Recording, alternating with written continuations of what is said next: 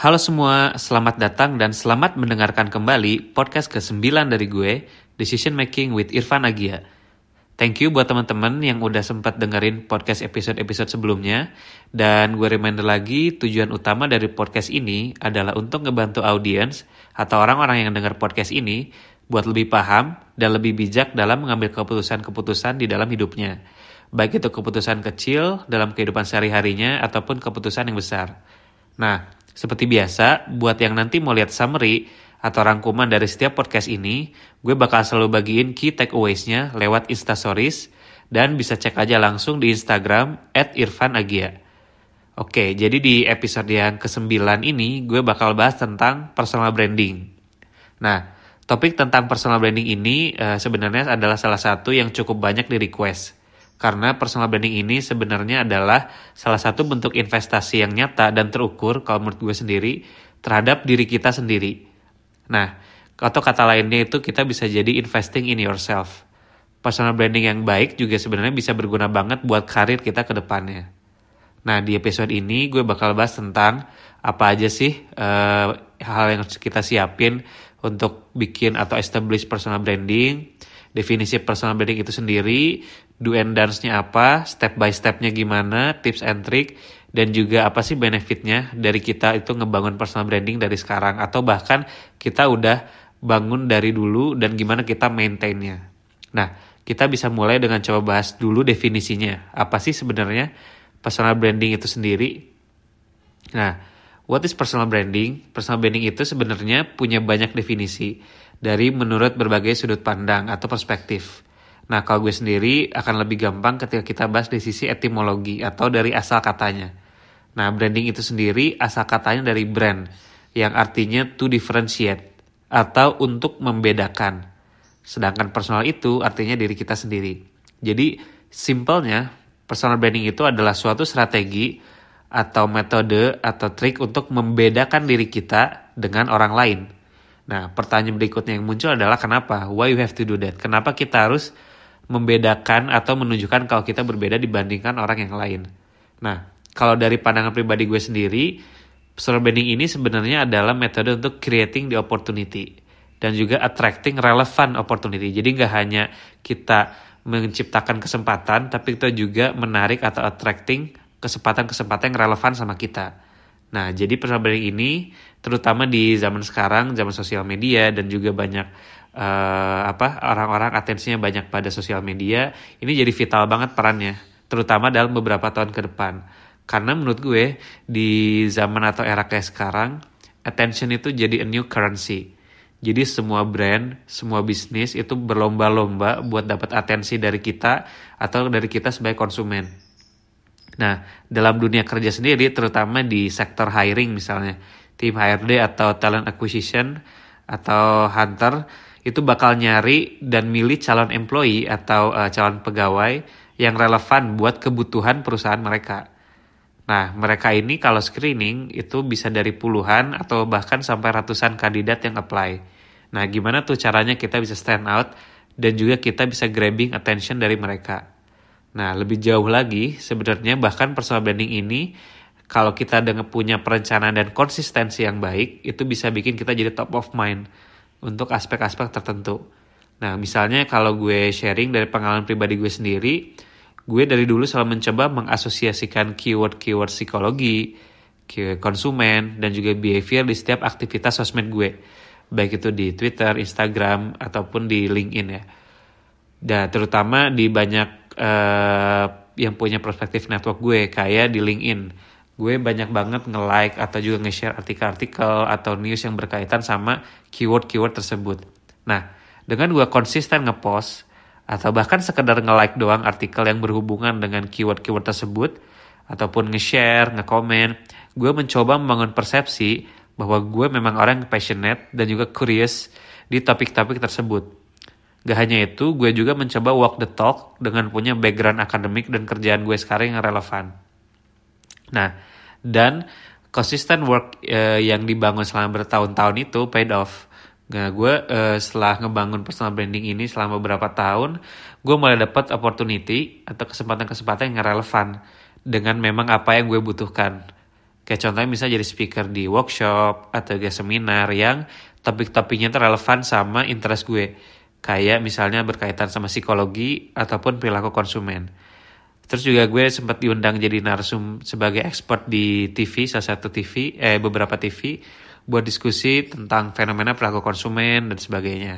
Nah menurut gue itu hasil dari personal branding yang paling nyata. Jadi itu creating opportunity dan juga attracting relevant opportunity. Jadi kuncinya nggak hanya menciptakan opportunity tapi attract juga yang relevan aja karena mungkin kesempatan itu banyak yang datang ke kita. Tapi sebenarnya kesempatan itu banyaknya nggak relevan dengan kebutuhan kita. Nah dengan personal branding ini kita bisa attracting opportunity yang relevan aja. Menurut gue uh, ini rumus simple dan rumus paling make sense sih mengenai sukses. Jadi uh, yang selalu gue ingat adalah success is when the opportunity meet preparation. Jadi uh, gue repeat, success is when the opportunity meet preparation. Jadi sukses itu nggak akan jalan ketika kesempatannya udah ada nih, misalnya kita dapat kesempatannya, tapi kitanya belum ready atau belum prepare, belum siap. Contohnya misal ada tawaran kerja nih buat teman-teman di luar negeri misalnya. Tapi kitanya itu ngerasa belum siap dari segi bahasa, belum sempat les lah dan sebagainya. Nah itu pun nggak akan works karena walaupun opportunity-nya udah ada, kitanya belum prepare. Nah sebaliknya juga, sukses juga nggak akan terjadi ketika kitanya udah siap banget nih. Tapi opportunity atau kesempatannya tuh nggak datang-datang. Misalnya kita udah lulus kuliah, terus kita udah banyak baca buku tentang marketing, misalnya terus digital marketing atau manajemen, ikut workshop, ikut e-learning dan sebagainya, kita udah ready secara uh, secara kapasitas, tapi kesempatan buat dapat kerjaan yang sesuai minat kita itu belum datang.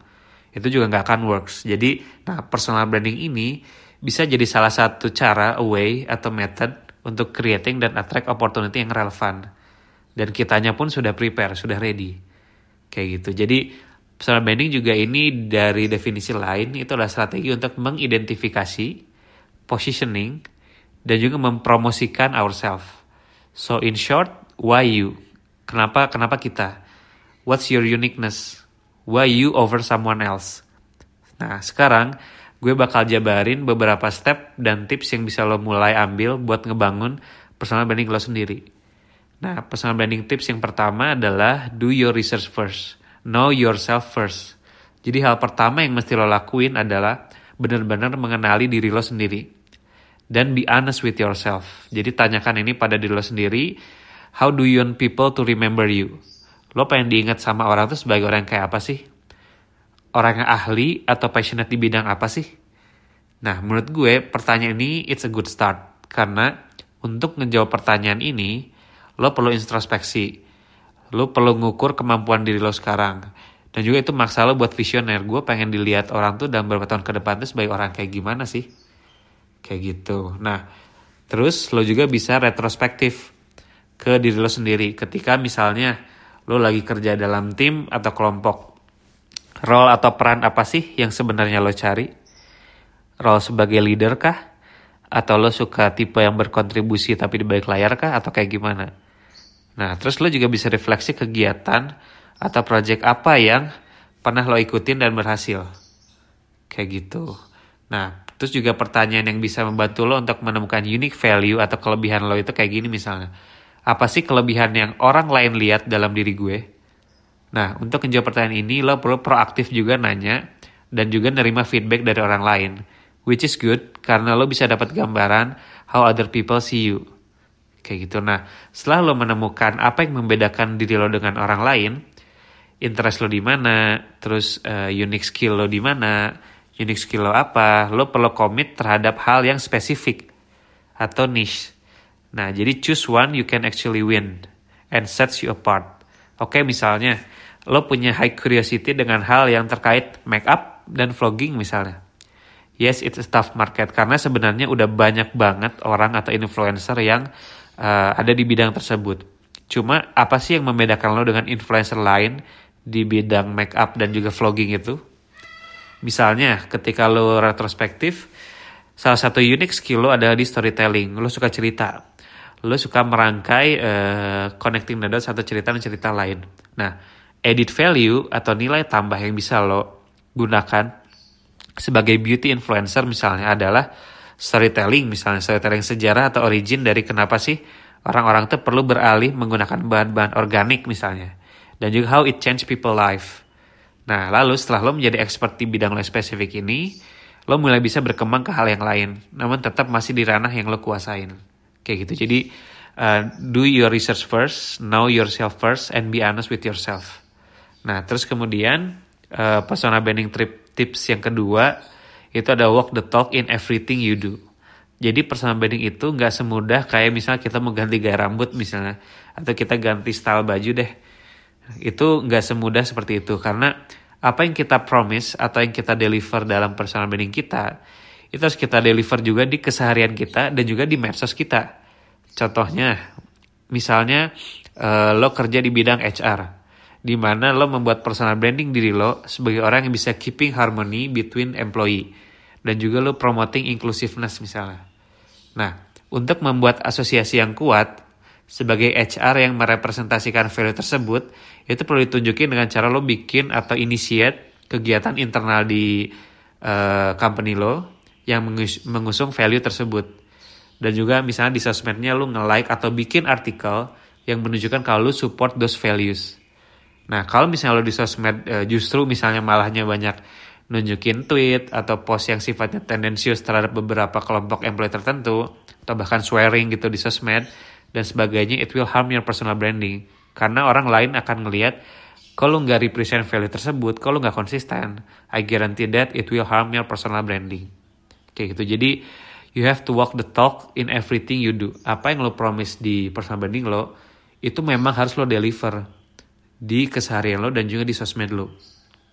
Kemudian yang personal branding yang ketiga, tips yang ketiga itu go big at industry conferences. Nah, ini fungsinya untuk apa? Karena untuk semakin memperkuat presence lo dengan personal branding yang kuat. Jadi uh, gue highly suggest lo aktif atau sempetin diri lo untuk datang ke beberapa conference, beberapa seminar, atau lokal event yang temanya relevan dengan personal branding lo. Contohnya misalnya lo mau branding diri lo sebagai uh, eh, UX researcher misalnya. Lo perlu aktif datang ke acara-acara seminar yang temanya tentang contohnya user experience, product research, dan sebagainya. Benefitnya apa? Lo bakal ketemu orang-orang yang like-minded people. Orang-orang yang punya interest yang sama dengan lo terhadap topik yang relevan. Lo juga bisa dapat inspiration dari speakers di industri lo yang datang di acara tersebut dan juga lo bisa tahu tren di bidang lo ini udah sampai mana, udah ke mana arahnya. Dan juga nggak cuma building network, itu adalah opportunity buat lo merepresentasikan diri lo dan personal branding lo. Nah, investing di network yang relevan dengan minat dan interest lo ini itu penting banget. Karena uh, ingat-ingat kata gue nih ya, kadang orang yang pinter itu kalah bersaing sama orang yang punya banyak teman, orang yang punya banyak network. I repeat, kadang orang yang pintar kalah bersaing sama orang yang punya banyak teman. Nah ini juga ketika lo datang di conference, even better ketika lo juga speak up. Dan bahkan jadi speaker di acara tersebut misalnya. Lo bisa belajar bikin desain presentation, improve skill presentasi lo, public speaking, dan juga skill storytelling lo. Kayak gitu. Nah terus yang keempat ini adalah investing in yourself. Karena menurut gue ini adalah the greatest advice and worth to do. Because it makes you who you are. Yes, memang strategi personal branding yang sustain itu nggak gratis. I, I must admit. Ada beberapa pengeluaran dan investasi yang perlu siapin. Dan ingat ini investasi ya sebenarnya. Lo, lo bisa treat ini sebagai investasi karena in the long term it will benefit uh, yourself. Gitu. Because it's smart to invest in your own career. Dan percaya sama gue, it will pay off. It will pay off. Beberapa investasi yang bisa lo siapkan adalah contohnya misalnya kayak beli buku yang bisa bantu lo belajar skill baru, terus juga lo perlu beli tiket buat datang ke conference atau seminar misalnya.